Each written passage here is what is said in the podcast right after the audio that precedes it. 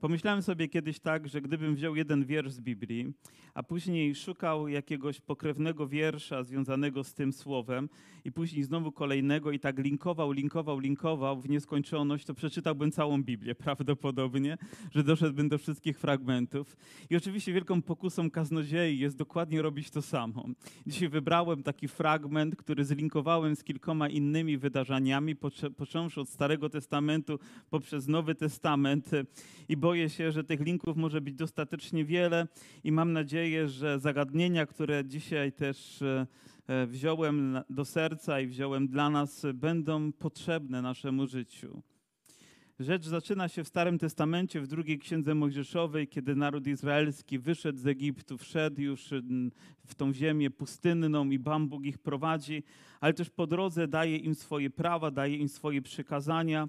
I wiecie, to nie jest tak, że Bóg dał tylko przykazania w Starym Testamencie, bo gdy czytamy Nowy Testament, to również dowiadujemy się, że Pan Bóg pewne rzeczy ustanowił, przekazał nam i oczekuje, że będziemy w tym wierni.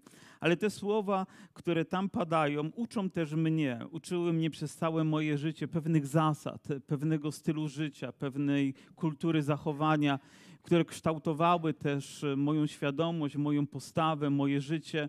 I oczywiście niektóre z tych rzeczy nie można przyjąć tak jeden do jednego dosłownie, są pewną ilustracją, są pewną przenośnią, są pewnym obrazem, który odnoszę do Nowego Testamentu i tam odnajduję jeszcze głębsze zrozumienie i zastosowanie w moim życiu. I tak będzie również i dzisiaj. Trzy rzeczy, które chciałbym, żeby z tego fragmentu zostały jakoś przemycone do naszego serca, to po pierwsze czas, po drugie szata i po trzecie odpowiedź, która przychodzi. A więc już sięgając do tego fragmentu, 22 rozdział, wiersz 26 mówi tak. To jest oczywiście nakaz Boga dla Izraela. Jeżeli weźmiesz w zastaw płaszcz Twego bliźniego, zwrócisz mu go przed zachodem słońca, bo jest to jego jedyne okrycie, okrycie jego ciała, w czymże innym będzie spał. Gdy wołać będzie do mnie, wysłucham, bo ja jestem miłosierny. I z pewnością każdy z nas od razu odnajdzie tutaj najważniejszą lekcję dotyczącą natury Boga dla swojego życia, że nasz Bóg jest miłosierny. Czyż nie jest to dobra wiadomość na sam początek? Mamy Boga, który troszczy się o nas, któremu zależy na nas, który wie, co przeżywamy, wie, czego potrzebujemy i ma sposób, aby też odpowiedzieć. I to ciekawe, bo chyba to będzie ta myśl, którą chciałbym zosta zostawić na niemal koniec, jak on to jest gotowy zrobić. Ale dwie rzeczy, które pojawiają się już na początku, to to, jeżeli weźmiesz od swojego bliźniego płaszcz, w naszym zrozumieniu słowo płaszcz oznacza pewne okrycie, tylko które zmieniamy co roku. Na jesień zmieniamy, na, na zimę zmieniamy, czy na wiosnę zmieniamy, na jesień zmieniamy, ze względu na zimę, która nadchodzi. Kupujemy, ponieważ moda się zmienia, fason się zmienia, albo nasza sylwetka się zmienia i potrzebujemy nowego. Wczoraj byliśmy na zakupach i moje trzy panie kupiły sobie płaszcze. Takie to proste dzisiaj wydaje się. Ale w tamtych czasach posiadanie płaszcza było czymś więcej niż tylko tylko pójściem do sklepu i zdobyciem jakiegoś okrycia. Powiem, to wiązało się z czymś, co było jakąś wartością w nich. Coś, co sprawiało, że ta szata jakby definiowała też tych ludzi, bo albo się miało szatę królewską, albo miało się szatę żebraka. I, I, te różne szaty świadczyły o pozycji, być może też o przeżyciach, które związały się z życiem te, tej osoby, ale oto pojawia się taka sytuacja, że ktoś, nie mając pieniędzy, być może, żeby zapłacić rachunek albo kupić sobie jedzenia, albo lekarstwo dla dzieci, albo jakakolwiek inna rzecz spowodowała, że musi zastawić swój płaszcz u swojego bliźniego. A więc rozumie, że idzie do czegoś, co my nazywalibyśmy dzisiaj lombardem. I chcę Wam powiedzieć, nie lubię lombardów powiem, omijam je szerokim łukiem. Wiecie dlaczego? Dlatego, że gdy patrzę na przedmioty, które tam są umieszczone, za każdym z nich jest jakaś bolesna historia ktoś wziął być może w potrzebie, być może w jakiejś dramatycznej sytuacji, a może dlatego, że był uzależniony, dlatego, że okradł kogoś, jakąś rzecz i przyniósł tam po to, żeby dostać jakąś część tylko wartości tego towaru, a później ją w jakiś sposób wykorzystał. I mam wrażenie, że gdyby wziąć każdy lombard i napisać książkę na temat historii, która wiąże się za każdym przedmiotem, to wielu z nas płakałoby od początku do końca. Dlatego mówię szczerze, nie lubię lombardów. Nie chodzę, nie kupuję tam, nawet jeżeli wydaje się, że jest to okazja, to jest moje, to jest moje osobiste doświadczenie. Nie chcę, żeby w ten sposób jakiś wiec tutaj robić antylombardowy, ale, ale oto taka sytuacja może się stać, że ktoś ma potrzebę, idzie, zostawia swój płaszcz, ten wypłaca mu jakąś pieniądze, ale Bóg próbuje to zmienić. Widzicie, Stary Testament mógł coś nakazać, mógł nakazać wykonać tą rzecz, ale to nie znaczy, że ten, który to zrobił, spowoduje, że tamten człowiek się zmieni albo że ta sytuacja zmieni tych ludzi. Po prostu będzie wyegzekwowane pewne prawo. Dlatego rozebrałem to na pewne elementy i przeniosłem do Nowego Testamentu, aby wyciągnąć głębszą lekcję. A więc nakazem było to, że nim zajdzie słońce, nim ten dzień się zakończy, to ty już sprawisz, że twój brat nie będzie goły. Po prostu. A więc musisz mu to zwrócić. Do końca dnia jest określony czas na odpowiedź tego człowieka dla swojego bliźniego. I pomyślałem sobie o wszystkich tych miejscach, gdzie czas miał znaczenie. I w Starym Testamencie Bóg nawet zatrzymywał słońce po to, żeby jego lud mógł zwyciężać. Bo gdyby tak nie było, gdyby słońce zaszło, być może porażka utrwaliłaby się w ich życiu i dokonałoby się coś strasznego. A więc ten czas ma znaczenie. I szukając tak oto w Nowym Testamencie jakiegoś fragmentu, przypomniał mi się ten fragment, gdzie apostoł Paweł w liście do Efezjan mówi w rozdziale czwartym: Gniewajcie się, lecz nie grzeszcie. Co za ciekawe słowo, gniewajcie się. Jakby nieuniknioną rzeczą dla nas było to, że gniew wzbudza się w naszych sercach. A więc rozumiem, że nie ma tutaj ani jednej osoby, która w jakimś momencie swojego życia nie wzburzyłaby się, emocjonalnie nie zaiskrzyłoby w Twoim sercu. Powiem, fale by nie wyzbrały się i bałwany by tam nie przelewały się. Każdy z nas tego doświadcza, lecz niech nie grzeszy, niech słońce nie zachodzi nad gniewem waszym. A więc jest określony czas dla ludzi wierzących, aby z czymś rozprawili się w swoim życiu. Żeby nie pozwolili, żeby przez noc ta rzecz się utrwaliła. Wielu ludzi w nocy ma koszmary, wielu ludzi w nocy ma niepokój, nie potrafi spać. Może jednym z powodów jest to, że czegoś nie załatwili za dnia. I dlatego przeniosło się to na noc, i później kolejną noc, i kolejną nocy, i powiem, lawina zaczęła jakby wlewać się do Twojego serca niepokoju. Może trzeba wrócić do tego dnia, do tej sytuacji, gdzie ta rzecz powinna być załatwiona, abyś spokojnie mógł zasnąć. Gdybyśmy wrócili na chwilę do Starego Testamentu i do tego człowieka, który nie wykonał tego polecenia, zlekceważył Boży głos, to co Bóg chciał, i nie, nie oddał tej szaty tak, jak powinien to zrobić, nawet jeżeli wiązał wiązała się to ze stratą i poszedł spać.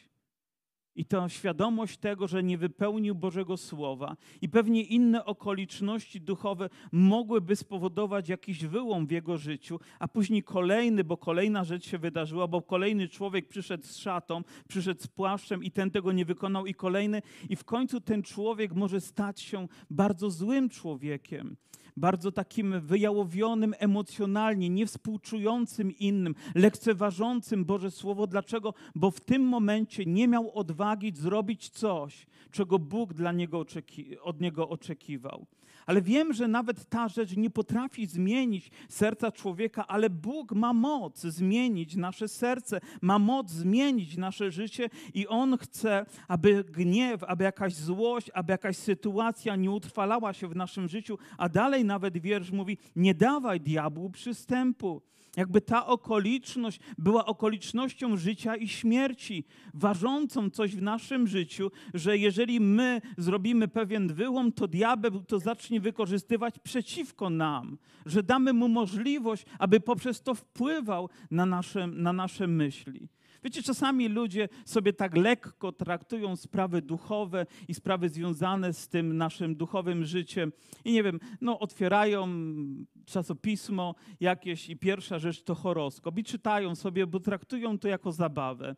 Albo idą gdzieś i powiedzą, o, ktoś mi powróży i pewnie są jakieś strony w internecie, na które można sięgnąć, żeby również szukać porad. Nie zdajesz sobie sprawy, jakie drzwi otwierasz i jakie mogą być tego konsekwencje. Powinny one być zaczaśnięte raz na zawsze, dlatego że grozi to ogromnym, ogromnym niebezpieczeństwem. Nie chcę iść w tę stronę, nie jest to dzisiaj moim zamiarem, tylko chcę uświadomić nam, że kiedy nie załatwiamy jakiejś rzeczy w określonym czasie i sposobu nie używamy tego, jaki Bóg nam nakazuje, to ponosimy tego konsekwencje. Po prostu ponosimy. A więc wykorzystaj czas dany ci przez Boga. Biblia mówi: wykorzystujcie czas, bo dni są. Hmm. Czy to dotyczy tych dni, czy mogą być jeszcze gorsze? Wykorzystuj ten czas na co? na to, żeby zachować standardy Bożego Królestwa, żeby podporządkować się Duchowi Świętemu, żeby posłuchać słów naszego Pana, żeby sięgnąć do Biblii i te wartości też przyjąć do naszego życia, bo dzisiaj jest dzień, który Bóg chce wykorzystać, nim zajdzie słońce. Wiecie, kiedy przeczytałem to słowo, to było w poniedziałek, ono gdzieś mocno zaczęło pracować we mnie i przez cały tydzień dojrzewało w moim sercu, ale pomyślałem sobie, przyjdzie oto ta niedziela, którą dzisiaj mamy i, i będziemy mogli się spotkać, ale to będzie również ten czas, nim zajdzie dzisiaj słońce, Bóg chce coś uczynić. Może nawet nim zakończy się to nabożeństwo, Bóg coś wyjątkowego chce uczynić w Twoim życiu. On przyprowadził Cię, dał Ci ten określony czas. Możesz teraz przyjąć postawę zlekceważenia tego słowa albo przyjęcia go. Ty decydujesz, ja za ciebie nie mogę zadecydować. Ty masz ten czas łaski i albo go wykorzystasz, albo go po prostu zmarnujesz, ale konsekwencje tego będą albo błogosławione, albo też ściągniesz na siebie coś, z czym z pewnością sam sobie nie poradzisz. Nie poradzisz sobie. To będzie zbyt duże, zbyt ciężkie. Bo gdybyśmy mogli sobie z tym poradzić, Pan Jezus nie musiałby przychodzić. Pan Jezus nie musiałby być ukrzyżowany, nie musiałby przelewać swojej krwi, gdybyśmy my tak doskonale sobie radzili. Ale On poniósł tą ofiarę, ponieważ wiedział, że nie poradzimy sobie. Potrzebujemy Jego obecności, potrzebujemy Jego mocy i Jego działania aby ten ciężar został zdjęty z naszego serca, ale my również możemy coś z tym uczynić. A więc mamy określony czas i dzisiaj jest czas, ta chwila jest tą właśnie chwilą, w której Bóg chce przemówić do mnie i do Ciebie zaapelować do naszego serca, może postawić je na baczność, abyśmy zareagowali na Jego słowo, co dam Wam dzisiaj taką możliwość, abyście zareagowali z modlitwą, z uwielbieniem, z oddaniem dla Boga. I kolejna rzecz to szata, to ten płaszcz, który się pojawia, płaszcz, który zanosi ktoś do kogoś, żeby dostać jakąś część wartości i wykorzystać. Ale w Nowym Testamencie odnajduje pewną historię związaną z pewnym człowiekiem, którego e, znajdujemy w Ewangelii Marka w dziesiątym rozdziale i wiemy, że na imię ma Bartymeusz. Oto Pan Jezus wchodzi do Jericha, on jego uczniowie i mnóstwo ludu i syn Tymeteusza, Bartymeusz, ślepy żebrak, siedział przy drodze. To jest dziesiąty rozdział od wiersza 46. Oto widzimy historię jedną z wielu z życia Pana Jezusa, jeden z wielu obrazów, który ilustruje to, czego Jezus dokonywał. Idzie ze swoimi uczniami, wraz z nimi idzie wielu, wielu ludzi. I oto gdzieś przy drodze, przed miastem, siedzi człowiek, który na imię ma Bartymeusz. Ciekawą rzeczą jest to, że jego imię oznaczało, że jest synem kogoś bardzo takiego znaczącego, kogoś, kto jest szanowany w mieście, szanowany przez innych ludzi. I oczywiście zagadką dla nas jest, jak to się stało, że ten syn szanowanego człowieka teraz siedzi przy drodze i żebrze. Myślę, że to nie jest historia, daleka historia wielu ludzi, którzy mieli wspaniałych rodziców, ale oni niekoniecznie prowadzą wspaniałe życie że wielu młodych ludzi pogubiło się w swoim życiu, a może też e, on sam w jakichś okolicznościach ze względu na swoje kalectwo, ze względu na to, że był ślepym, gdzieś się wyizolował. No naprawdę trudno tutaj zbudować jakiś scenariusz, który chciałbym, żeby, żeby też nie był nadinterpretowany przez nas, ale wiemy jedno, że on tam siedział i usłyszał, że jest Jezus usłyszał, że to Jezus, wiersz 47 z Nazaretu, zaczął wołać, mówiąc: Jezusie, synu Dawida, zmiłuj się nade mną. Myślę, że te słowa, które on wypowiada, Jezusie, zmiłuj się nade mną, one nabrzmiewały w jego sercu, ponieważ słyszał wcześniej o Jezusie, który leczy ludzi chorych, który uzdrawia ludzi, którzy są kalekami, którzy są nieuleczalnie chorzy, którzy albo się takimi urodzili, albo takimi się stali, ale żadna medycyna nie miała dla nich odpowiedzi i że Jezus tego dokonuje, że otwiera oczy ślepych, że chromi chodzą, że nawet ludzie opętani przez demony są uwalniani. On o tym słyszał, ponieważ ci ludzie mają szczególnie wyostrzonych słuch, zwłaszcza gdy wzrok zawodzi. To tak jak my czasami idziemy w ciemności i nie wszystko widzimy, ale wtedy nasze uszy stają się większe, prawda? Że każdy stukot, że każdy, nie wiem, nawet szelest jakiś zaczyna nas niepokoić. Czy ktoś z Was spędzał kiedyś noc sam w domu. Po prostu sam w dużym domu, ogromnym domu. Kiedy są wszyscy, to naturalną rzeczą, że jest jakieś dźwięki się tam dobywają gdzieś z dołu, z boku. Tutaj dzieci, tam żona się krząta, albo jeszcze inne rzeczy, pies gdzieś tam też ujada. Ale kiedy nikogo nie ma i w domu jest ciemno i wy jesteście sami, powiem, nawet gdyby mysz, mysz przebiegała, to człowiek zawału serca może dostać. Prawda? Każda rzecz zaczyna nas jakoś szczególnie dotykać, bo jesteśmy na to nastawieni. On był nastawiony, żeby słuchać i słyszał, i słyszał o Jezusie, i gdy ten się pojawił, on nie omieszkał odezwać się, krzycząc: Zmiłuj się nade mną. Może to jedna z najciekawszych modlitw i najlepszych, jaką człowiek może wypowiedzieć, który znajduje się w sytuacji bez wyjścia. Wie, do kogo się zwrócić i wykorzystuje czas. Bo wie, że gdy Pan Jezus przejdzie, tak daleko oddali się od Niego, że Jego głos nawet tam nie dotrze, to zmarnuje tę okazję. Ten czas łaski dla Niego był, gdy Jezus był blisko, a On słyszał odgłos Jego kroków i być może odgłos tłumu. I nawet może miał tak selektywny słuch, że mógł wyróżnić nawet stopy Pana Jezusa, choć oczywiście tutaj to jest głęboka nadinterpretacja, ale On słyszał bardzo wyraźnie i wiedział, że Jezus jest dostatecznie blisko, żeby Go usłyszeć. I mówi, Synu, synu Dawida, zmiłuj się nade mną, zmiłuj się nade mną. Wykorzystuje ten czas, aby zawołać do Boga. Wykorzystaj ten czas. Te chwile wykorzystaj na to, żeby Twoje serce zawołało w potrzebie, w której jesteś. Oczywiście ludzie zawodzą.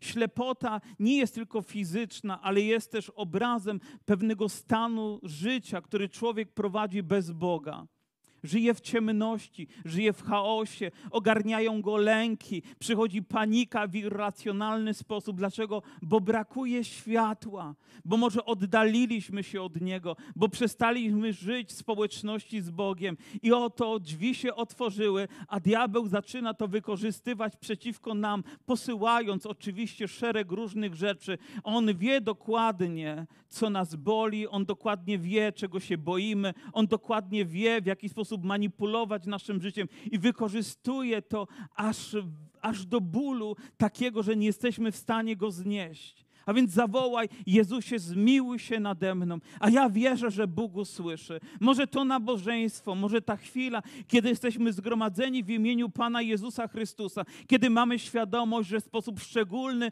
On jest pośród swojego ludu. To czas, by Twoje serce teraz głośniej niż inne zawołało, Jezusie, zmiłuj się nade mną. Może ogarnęły Cię jakieś czarne myśli, może nie widzisz perspektywy swojego życia, ale masz serce, w którym pojawia pojawiła się iskra nadziei, ponieważ wiesz, że na tym miejscu jest Boża obecność.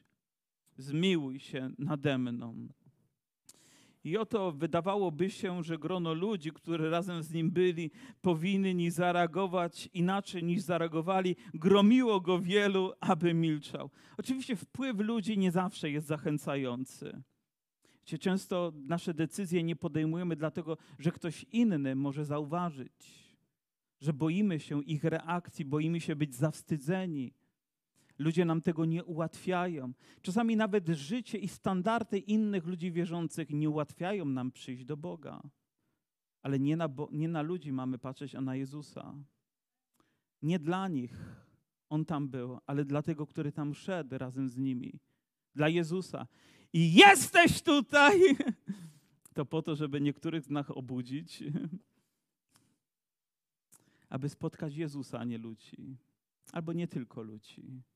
Jezusa, swojego Pana i Zbawiciela, który ma moc Cię wybawić. Ale czy myślicie, że to go zniechęciło? Wtedy, jesz, wtedy mm, e, gromiło go wielu, aby milczał, a on tym więcej wołał: Synu Dawida, zmiłuj się nade mną. Nie pozwól, aby ktokolwiek zgasił ten głos Twojego serca. Nie może tego zrobić nikt. Wtedy Jezus przystanął i rzekł. Ten czas się zatrzymał dla niego. Po prostu ten czas, ta chwila stała się wyjątkowa. I słyszę, jak tłum się zatrzymuje, i myślę, że jego serce teraz dość, że ma wadę wzroku, czy nie widzi, to jeszcze serce jest bliskie zawachu, ponieważ wie, że coś się, coś się dzieje wyjątkowego i rzekł: Zawołajcie go. I zawołali ślepego, mówiąc mu: Ufaj, wstań, woła cię. O, teraz zmienili pieśń, prawda? Teraz mówią: O, zaufaj, Pan Jezus jest tutaj, aleluja, zaraz coś się wydarzy. Ale oto rzecz, do której doszedłem poprzez ten krótki wstęp w tej historii. A on zrzucił swój płaszcz. To był płaszcz żebraka. Nie wiem, czy wiecie, że w Indiach jest 200 kast społecznych, że od najniższej do najwyższej, a więc od człowieka, który traktowany jest gorzej niż robak, do człowieka, który traktowany jest lepiej niż Bóg. 200 różnych kast. On był w tej bardzo, bardzo, bardzo, bardzo niskiej. Jego szata prawdopodobnie świadczyła również o tym, że jest żebrakiem, że jest człowiekiem ułomnym. Ale on w tym momencie zrzuca, zanim przyszedł do Jezusa, w tym momencie zrzuca swoją szatę. Czy to nie jest wymowne? Pomyślcie. Że coś, co go definiuje, coś, na co patrzą ludzie, on ma odwagę teraz zrzucić, aby przyjść do Niego. Myślę, że gdy Pan Jezus nas wzywa, to nie po to, żebyśmy nosili na sobie, na sobie przeszłość. Być może cała jego szata, powiem, od której w jakiś sposób był uzależniony, bo ludzie litowali się nad nim, bo może dawała mu ciepło w mroźne czy tam w chłodne dni, jakie tam były w Izraelu. Także z pewnością była dla niego może nawet posłaniem gdzieś tam, kiedy trzeba było. A więc była dla niego ważna, ale on mimo wszystko ma odwagę ją zrzucić. Jakby nie pozwala, by ten ciężar zatrzymał go, by przyjść do Jezusa. Wiecie, myślę, że patrząc na te ilustracje, oczywiście to jest ilustracja wielkiej łaski Boga, która dokonuje się w życiu człowieka, gdy mamy odwagę do Niego przyjść. Ponieważ dokonuje się coś, co Bóg tylko może uczynić. On może zrzucić z naszych barków. Możemy zrzucić dzięki Jego łasce to wszystko, co nas usidla, co nas obciąża, co jest czymś, co jest no nawet być może nawet niemiłe dla naszego życia. Coś poprzez co ludzie nas jakoś definiują, określają. O, bo ty jesteś taki, ty jesteś taki. Nie wiem, jak to jest, ale w szkole zawsze, gdy nadawaliśmy komuś jakiś pseudonim, to związało się to z jakąś wadą, którą miał. Jakbyśmy chcieli to jeszcze bardziej uwypuklić i umniejszyć, nie wiem, po prostu tak było. A ten był ślepy, ten był głuchy, ten był kulawy, ten był taki, ten był siaki, ten był jeszcze jakiś inny. Co za cudowna młodzież żyła w tamtych czasach. Więc nie mówcie, że ta młodzież jest aż tak zła, bo myślę, że w każdym pokoleniu młodzież ma swoje przywary i potrafi potrafi zrobić wielką przykrość swoim rówieśnikom. I to nawet tak wielką, że konsekwencje czasami tego są nieuniknione, ale on ma odwagę, idąc do Jezusa, zrzucić, zrzucić tę szatę i przyjść do Niego takim, jakim jest. Naprawdę jest to dla mnie ogromnie zachęcające. Ten płaszcz to nie jest płaszcz już żebraka, on jest tam pozostawiony. Teraz przychodzi Bartymeusz. Wiecie dlaczego? bo on tak naprawdę jest synem kogoś, kto ma ogromne znaczenie. Pomyślcie. Tak naprawdę on jest synem kogoś, kto ma ogromne znaczenie. Ty jesteś córką, jesteś synem ojca, który ma ogromne znaczenie. Myślę, że to niezwykłe odkrycie dla każdego z nas. Dla Jezusa nie jesteś ślepcem, dla Jezusa nie jesteś głuchy, dla Jezusa nie jesteś kulawy, dla Jezusa jesteś Jego dzieckiem. Jesteś kimś, na kogo On czeka, abyś mógł do Niego przyjść. Bez względu na to, w jakiej rodzinie ktoś się urodził, bez względu na to, jakich miał rodziców, ma Ojca, który ma znaczenie. Może znaczenie teraz ma to, żebyś Ty miał odwagę i wiarę do Niego przyjść, a tak naprawdę powrócić, aby razem z Nim być. I On pozwala nam uwolnić się od przeszłości, od tego, jak wyglądało nasze życie, co nawet do tego doprowadziło. Wiecie, gdy Bóg przebacza nam, czyni to tak, że później definiuje to w swoim słowie i grzechów ich i nieprawości nie wspomnę więcej tak Jezus nie będzie rozpatrywać teraz, nie będzie teraz prowadzić z nim jednej, drugiej, trzeciej, dziesiątej sesji. Jak to się stało, Bartymeuszu, że ty siedzisz tutaj przy tym rowie, czy przy tej drodze? Co do tego doprowadziło? Jak wyglądał wczoraj, wczorajszy dzień? Jak wyglądało ostatnie dziesięciolecie? Po prostu w jednej chwili człowiek przychodzi do Jezusa, zrzuca swój płaszcz, a Bóg czyni ponadnaturalne dzieło w jego życiu. Czy to nie jest właśnie to, co jest sednem chrześcijaństwa, tym, co jest sednem Ewangelii, że nie musimy tego rozgrzebywać, kopać, tylko mamy wiarę, która pozwala nam się z tym rozstać.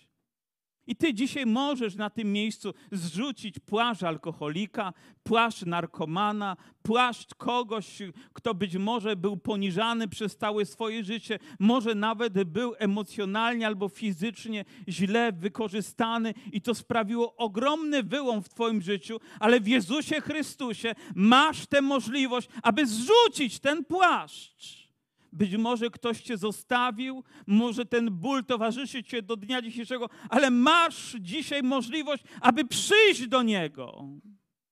Może jakaś traumatyczna rzecz się wydarzyła i ona wciąż gdzieś jest, ale wierzę, że przychodząc do Jezusa możemy przyjść tacy jest, jacy jesteśmy, a Bóg uczyni nasze życie wolnym. Aleluja. Do zachodu słońca możemy otrzymać zupełnie coś innego. A Jezus odezwał się i rzekł: Co chcesz, abym ci uczynił? Jakby nie widział Pan Jezus. Widział oczywiście i wiedział, ale on chce, żebyśmy to my powiedzieli. Co chcesz? I rzekł ślepy mistrzu, abym przejrzał. Jak myślicie, przejrzał czy nie przejrzał? Będziemy głosować? Ale inną, o inną rzecz spytam. Wrócił po swój płaszcz czy nie? Czy znowu po niego sięgnął? Czy poszedł drogą zupełnie nową. Wiecie, gdy Bóg nas uwalnia, to nie po to, żebyśmy wracali do tego, gdzie byliśmy. Prawda, że tak? Że ten płaszcz ma zostać, bo Bóg chce dać nam nowe odzienie. On chce nas przyoblec swoją chwałę, swoją miłość i swoją łaskę.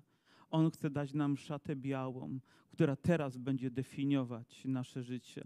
Ludzie patrząc na nas będą pełni podziwu, jak potrafimy sobie radzić w sytuacjach, w których inni być może legną, poddadzą się i będą przeżywali ogromne traumy ze względu tylko na jedno imię, a to imię brzmi Jezus.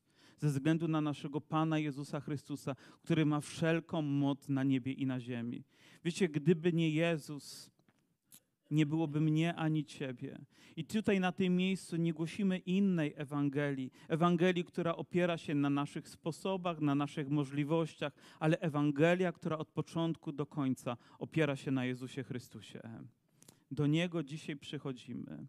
A więc widzimy, że czas i ta szata mają pewne symboliczne znaczenie, które zapoczątkowało się we fragmencie, który czytaliśmy, ale wracając do niego, chcę zwrócić uwagę jeszcze na wiersz 27, bo jest to jego jedyne okrycie, okrycie jego ciała, w czymże innym będzie spał.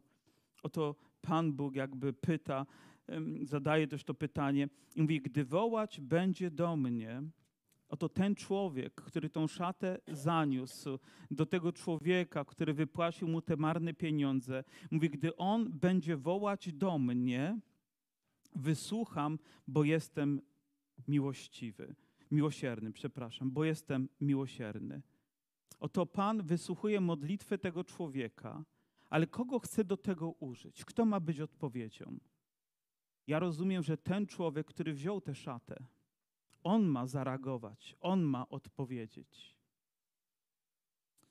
I oto myśl, która zrodziła się, że gdy my się modlimy, to najczęściej słuchamy oto takich odpowiedzi tak, nie albo poczekaj.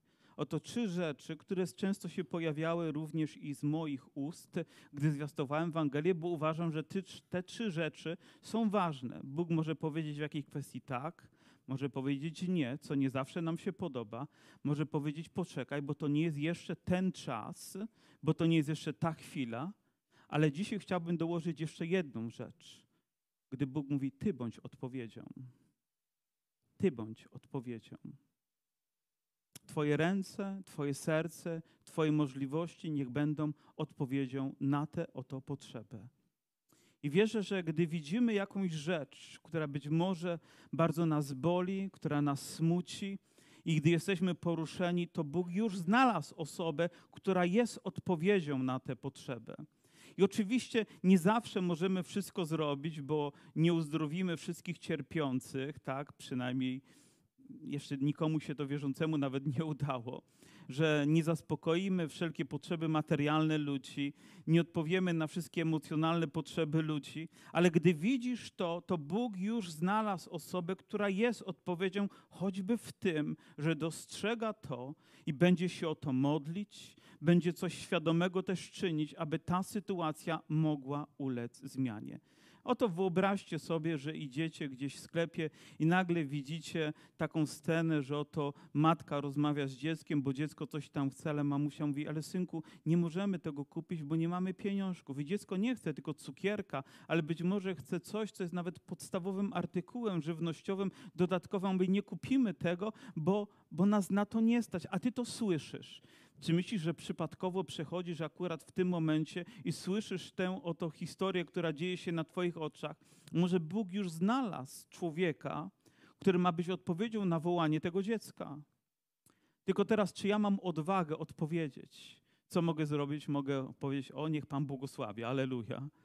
A mogę podejść i, przepraszam, czy mógłbym dla Pani coś zrobić? Czy jeżeli masz możliwość na przykład kupić ten chleb albo to masło, albo to mleko, albo jeszcze taką inną rzecz. A myślę, zdziwieni by byli, prawda?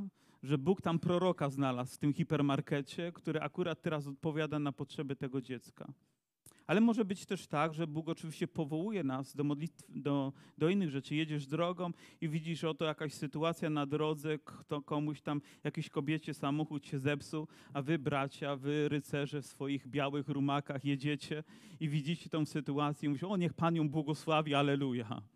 A może Pan pokazał Ci to po to, żebyś się zatrzymał i spytał, czy mogę w jakiś sposób Pani pomóc, albo zabezpieczyć jej bezpieczeństwo, albo coś zrobić, bo że Bóg już znalazł, bo ona wołała w głębi swojego serca, Panie, zrób coś w tej sytuacji. Oczywiście może nawet nie jest tak głęboko wierząca, ale gdzieś w głębi serca jest potrzeba, a Bóg już znalazł kogoś, tylko oby ten ktoś okazał posłuszeństwo. Wiecie, zdarzyło mi się raz, że jechałem i widziałem jakąś potrzebę i powiem, byłem rozpędzony, nie zatrzymałem się. Nawet nie wiecie, z jakim poczuciem winy zasnąłem. Naprawdę musiałem spędzić wiele czasu, żeby uwolnić moje serce w modlitwie od tego i przepraszać Pana, bo wiedziałem, że zrobiłem coś niewłaściwego, że nie zatrzymałem się w tym momencie tam, gdzie powinienem się zatrzymać. Nie byłem odpowiedzią na tę potrzebę. Mówię, nie zaspokoję wszystkich potrzeb. Czasami widzę cierpienie, może Bóg powołuje mnie, żebym się modlił, żebym współczuł, żebym wołał do Boga, żebym razem z tymi ludźmi przez to przechodził. Z niektórymi ludźmi nadal tylko mogę płakać, albo z niektórymi ludźmi nadal tylko mogę się śmiać, ale mówię w sobie w głębi mojego serca: Panie, ja chcę być odpowiedzią. Panie, ja tylko chcę prosić o to, o inną rzecz, ale ja chcę, żebyś stawiał mnie w te miejsca, gdzie ja mogę być odpowiedzią dla innych. Że dojrzałem do tego miejsca, do tego momentu w moim życiu, kiedy poprzez mnie Ty będziesz czynił coś niezwykłego. Co za przywilej! Co za łaska Boża, kiedy mamy tego świadomość i możemy w tym oto uczestniczyć. I oto chciałbym przytoczyć Wam kolejną historię, która rozgrywa się w domu człowieka, który na imię ma Korneliusz. Ktoś z Was zna Korneliusza? O, z pewnością czytając Biblię to już nasz kolega, prawda? A tak naprawdę brat wierzy. Wiem, że na początku był bardzo religijnym człowiekiem. On nie pochodził z Izraela, ale jak najprawdopodobniej był prozelitą, wiele dobrego dla, dla ludu Bożego robił. I pewnego dnia miał oto widzenie. Ukazał mu się anioł i powiedział mu: Modlitwy Twoje i jałmużny Twoje jako ofiara dotarły przed oblicze Boże. I wydawałoby się, że w tym momencie powinno się wszystko zakończyć, ale anioł mówi dalej: Przeto poślij teraz mężów do Jopy i sprowadź niejakiego Szymona, którego nazywają Piotrem. Bóg zna nasze imiona i nasze pseudonimy. Bóg wie o nas wszystko, absolutnie. Mówi sprowadź. Zobaczcie, nie wystarczy, że był religijny, że składał właściwe ofiary, że być może nawet gorliwie się modlił, ale on potrzebował odpowiedzi. I nawet nie anioł sam, który tam był odpowiedzi, ale potrzebował odpowiedzi poprzez człowieka, którego Bóg wybrał, powołał, nie bez problemów, bo Piotr nie był na początku ani tak chętny, ani tak gotowy, ale Pan przekonywał go krok za krokiem i też doświadczał jego serce i on sam przechodził przez to, aż w końcu stał się sługą, który naprawdę był wierny. On był odpowiedzią. Dlatego Korneliusza, dlatego posyła tam domowników, jednego pobożnego żołnierza, aby poszli do Piotra, a Piotr w tym czasie jest w Jopie i oczywiście wyszedł na dach, poczuł głód, ale zanim e, posiłek był przygotowany, to miał widzenie. Pamiętacie te płachty, które były spuszczane trzy razem, aby przekonać go, że za chwilę on będzie odpowiedzią, bo będzie musiał pokonać pewne granice. I żeby być odpowiedzią, musimy pokonać jakieś granice. Może granice jakiejś naszej wygody, samozadowolenia. Musimy zmienić perspektywę naszego patrzenia i Duch Święty zachęca nas do tego. Może odpowiedzią dla Ciebie nie jest tylko to, że prosisz o to albo o inną rzecz, ale że stawiasz dzisiaj siebie i mówiąc, Boże, ja chcę być odpowiedzią. Chcę być odpowiedzią dla mojej żony, chcę być odpowiedzią dla moich dzieci, dla moich współpracowników. Panie, chcę być odpowiedzią, ale kiedy tak właśnie uczynisz, to Bóg da Ci tyle siły i tyle mocy, że będziesz mógł to zrobić i nawet być może te wszystkie Twoje myśli nagle odejdą, te problemy dnia codziennego nagle gdzieś przestaną mieć jakieś szczególne znaczenie, bo jesteś odpowiedzią, bo jesteś narzędziem w ręku Boga i Bóg zaczyna się Tobą posługiwać i daje Ci to tak ogromną radość. Wiecie, nie wiem, w którym momencie mojego życia to się stało, gdy jako młody człowiek przychodząc do zboru powiedziałem, Panie, ja nie tylko chcę być tym, który bierze, ale ja chcę być odpowiedzią. Panie, chcę być Twoimi ustami, chcę być Twoim sercem, chcę być Twoimi dłońmi, chcę być Twoimi nogami. Panie, chcę być zaangażowany. I nie zawsze wszystko wychodziło mi dobrze i tak, jakbym chciał, ale za każdym razem, wracając gdzieś do domu, padałem na kolana, modliłem się i znowu, Panie, chcę, chcę więcej w moim życiu. I nie dlatego, że było w tym coś ukrytego, takiego niewłaściwego, ale pragnienie po prostu gdzieś wzbudzone w moim sercu, aby być odpowiedzią dla Boga. I Bóg w różny sposób przełamywał. Czasami ja sam ryłem nosem po ziemi, czasami płakałem, czasami potykałem się, obdzierałem sobie kolana kolana i ręce, ale mimo to stawałem ponownie do modlitwy, mówiłem, Boże, chcę być odpowiedzią. I to nie znaczy, że dzisiaj czasami moje kolana nie są poobdzierane i ręce też nie, ale nie zmienia się moja modlitwa. Panie, chcę być odpowiedzią. Jeżeli jakiś płaszcz trzeba oddać, albo jakąś sytuacji pomóc, albo gdzieś jest jakiś Korneliusz, który potrzebuje nawet mnie, to ja chcę. I oto Duch Święty przekonuje oczywiście Piotra i o tym czytamy w wierszu 19, a gdy Piotr zastanawiał się jeszcze nad tymi widzeniami, rzekł duch, rzekł mu duch, oczywiście Duch Święty, oto szukają cię trzej mężowie. Bóg jest tak doskonałym reżyserem naszego życia. Tak potrafi niezwykle zaplanować nasze życie, że nawet i w takich okolicznościach objawia swoje kierownictwo. I oto rzeczywiście, gdy jeszcze myśli, puka ktoś do drzwi, przychodzą ci, ci ludzie z tym żołnierzem i mówią, tam Korneliusz cię potrzebuje. A Piotr mówi, walizki mam już spakowane, idziemy. On już jest przygotowany na to. I rzeczywiście idzie razem z nimi i niełatwo było wejść pod dach e, Korneliusza, ponieważ to był poganin, ale w tym momencie znowu Pan przemawia do niego, mówi teraz pojmując zaprawdę, że Bóg nie ma względu na osobę, lecz w każdym narodzie jest mu miły ten, kto się go boi i sprawiedliwie postępuje. Posłał on synom swoim izraelskim słowo, zwiastując dobrą nowinę o pokoju przez Jezusa Chrystusa. On jest Panem wszystkim. Wy wiecie, co się stało po całej Judei, począwszy od Galilei, po chrzcie, który głosił Jan o Jezusie z Nazaretu. Jak Bóg namaścił go Duchem Świętym i mocą, jak chrzcił, czyniąc dobrze i uzdrawiając wszystkich opętanych przez diabła, bo Bóg był z nim.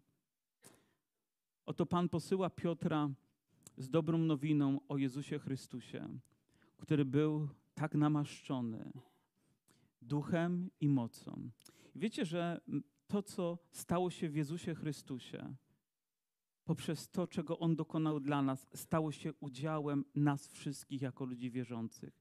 Że ja i Ty tak samo możemy być wypełnieni duchem i namaszczeni Jego mocą.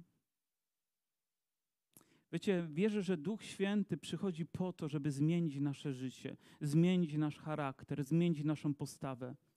Ale też Bóg udziela nam mocy, abyśmy mogli w Jego imieniu dokonywać tych wszystkich rzeczy. I te dwie rzeczy nie powinny być odrębne od siebie. O, ktoś ma charakter, a ktoś ma moc. I wiecie, każdy z nich nie wykona w pełni tego, o co Panu chodziło. Bo Pan chce, żeby i nasze życie było przemienione i było pełne Jego mocy. I oto staje tam i widzi, jak Bóg dotyka tych ludzi, jak oni wszyscy zaczynają być napełniani też Duchem Świętym i oto zaczynają mówić językami, zaczynają wielbić Boga. Wiecie, innymi słowy przychodzi zbawienie do tego domu. Bóg okazuje swoją wielką łaskę. Wiecie dlaczego? Bo Piotr powiedział w pewnym momencie swojego życia: Panie, jak widać, nie byłem gotowy, żeby walczyć za Ciebie tak, jak sobie to wymyśliłem, ale jestem gotowy, by być dla Ciebie odpowiedzią na potrzeby Korneliusza, na potrzeby pewnie setki innych historii, które się wydarzyły. Niektóre z nich czytamy też w dziejach apostolskich i zachwycamy się nimi. I mam pytanie, czy dzisiaj ty, moja siostro, mój bracie, możesz podobnie tak jak Bartymeusz przyjść i powiedzieć, Panie, zmiłuj się nade mną. Czy dzisiaj masz gotowe serce, by zrzucić swój płaszcz i powiedzieć, nie chcę go. Wystarczy mi biała koszula, nie? To, co cię definiuje, to, co cię ogranicza, to, co przylgnęło do ciebie jak łata na całe życie. Coś, co cię niepokoi, coś, co zabiera ci sen. Zdrowie i życie. Wiecie, dzisiaj jest dzień łaski. A może ktoś z Was pójdzie jeszcze krok dalej i powie: Panie, ja chcę być odpowiedzią. Ktoś woła, ktoś w potrzebie swojego życia, w pragnieniu swojego serca. Panie, chcę być odpowiedzią dla tego człowieka. Proszę, wy, ludzie wierzący tutaj, świadomie wierzący, gdy widzicie jakiś obraz, który dotyka głęboko waszego serca, nie mijajcie go tak po prostu mimo. Módlcie się, wołajcie o Boże działanie a będzie cudownie, kiedy coś w tej rzeczy, w tej kwestii zrobicie. Przychodzicie do zboru i możecie wytknąć rzeczy, których żeśmy nie zrobili albo nie robimy. A może Bóg przysłał Cię, aby być odpowiedzią na tę potrzebę. Abyś modlił się w tej sprawie, Bóg będzie przygotowywał Twoje serce, będzie Cię uczył, aż pewnego dnia to zostanie wykonane dla Jego chwały. Naprawdę będzie wykonane. Pan Jezus będzie uwielbiony. Bądź odpowiedzią. Bóg pośle cię do domu Korneliusza i wielu innych, którzy potrzebują Ewangelię. Mamy w naszym narodzie wielu dobrych ludzi, wielu religijnych ludzi, którzy potrzebują jeszcze poznać osobiście Jezusa. Potrzebują Jego zbawienia. Może Twój dom tego potrzebuje, może Twoi najbliżsi. Bądź odpowiedzią, mój bracie, dla swojego dziecka. Bądź odpowiedzią, moja kochana siostro, dla swojego męża. Bądź odpowiedzią dla swoich sąsiadów. Niech nie widzą tylko nawiedzonego dziwaka, ale niech widzą Boże dziecko pełne miłosierdzia, pełne łaski, pełne Bożej dobroci. Wiecie, czytając tę myśl, zapisałem sobie oto takie zdanie. Dla siebie, nie dla was. Nie pozwolisz, aby twój brat położył się spać, nieokryty płaszczem twojej łaski coś, co ja mogę okazać. Ja dzisiaj tak bardzo chciałem przykryć Was dzisiaj taką łaską Bożego Słowa, każdego z Was, abyście mogli tego doświadczyć.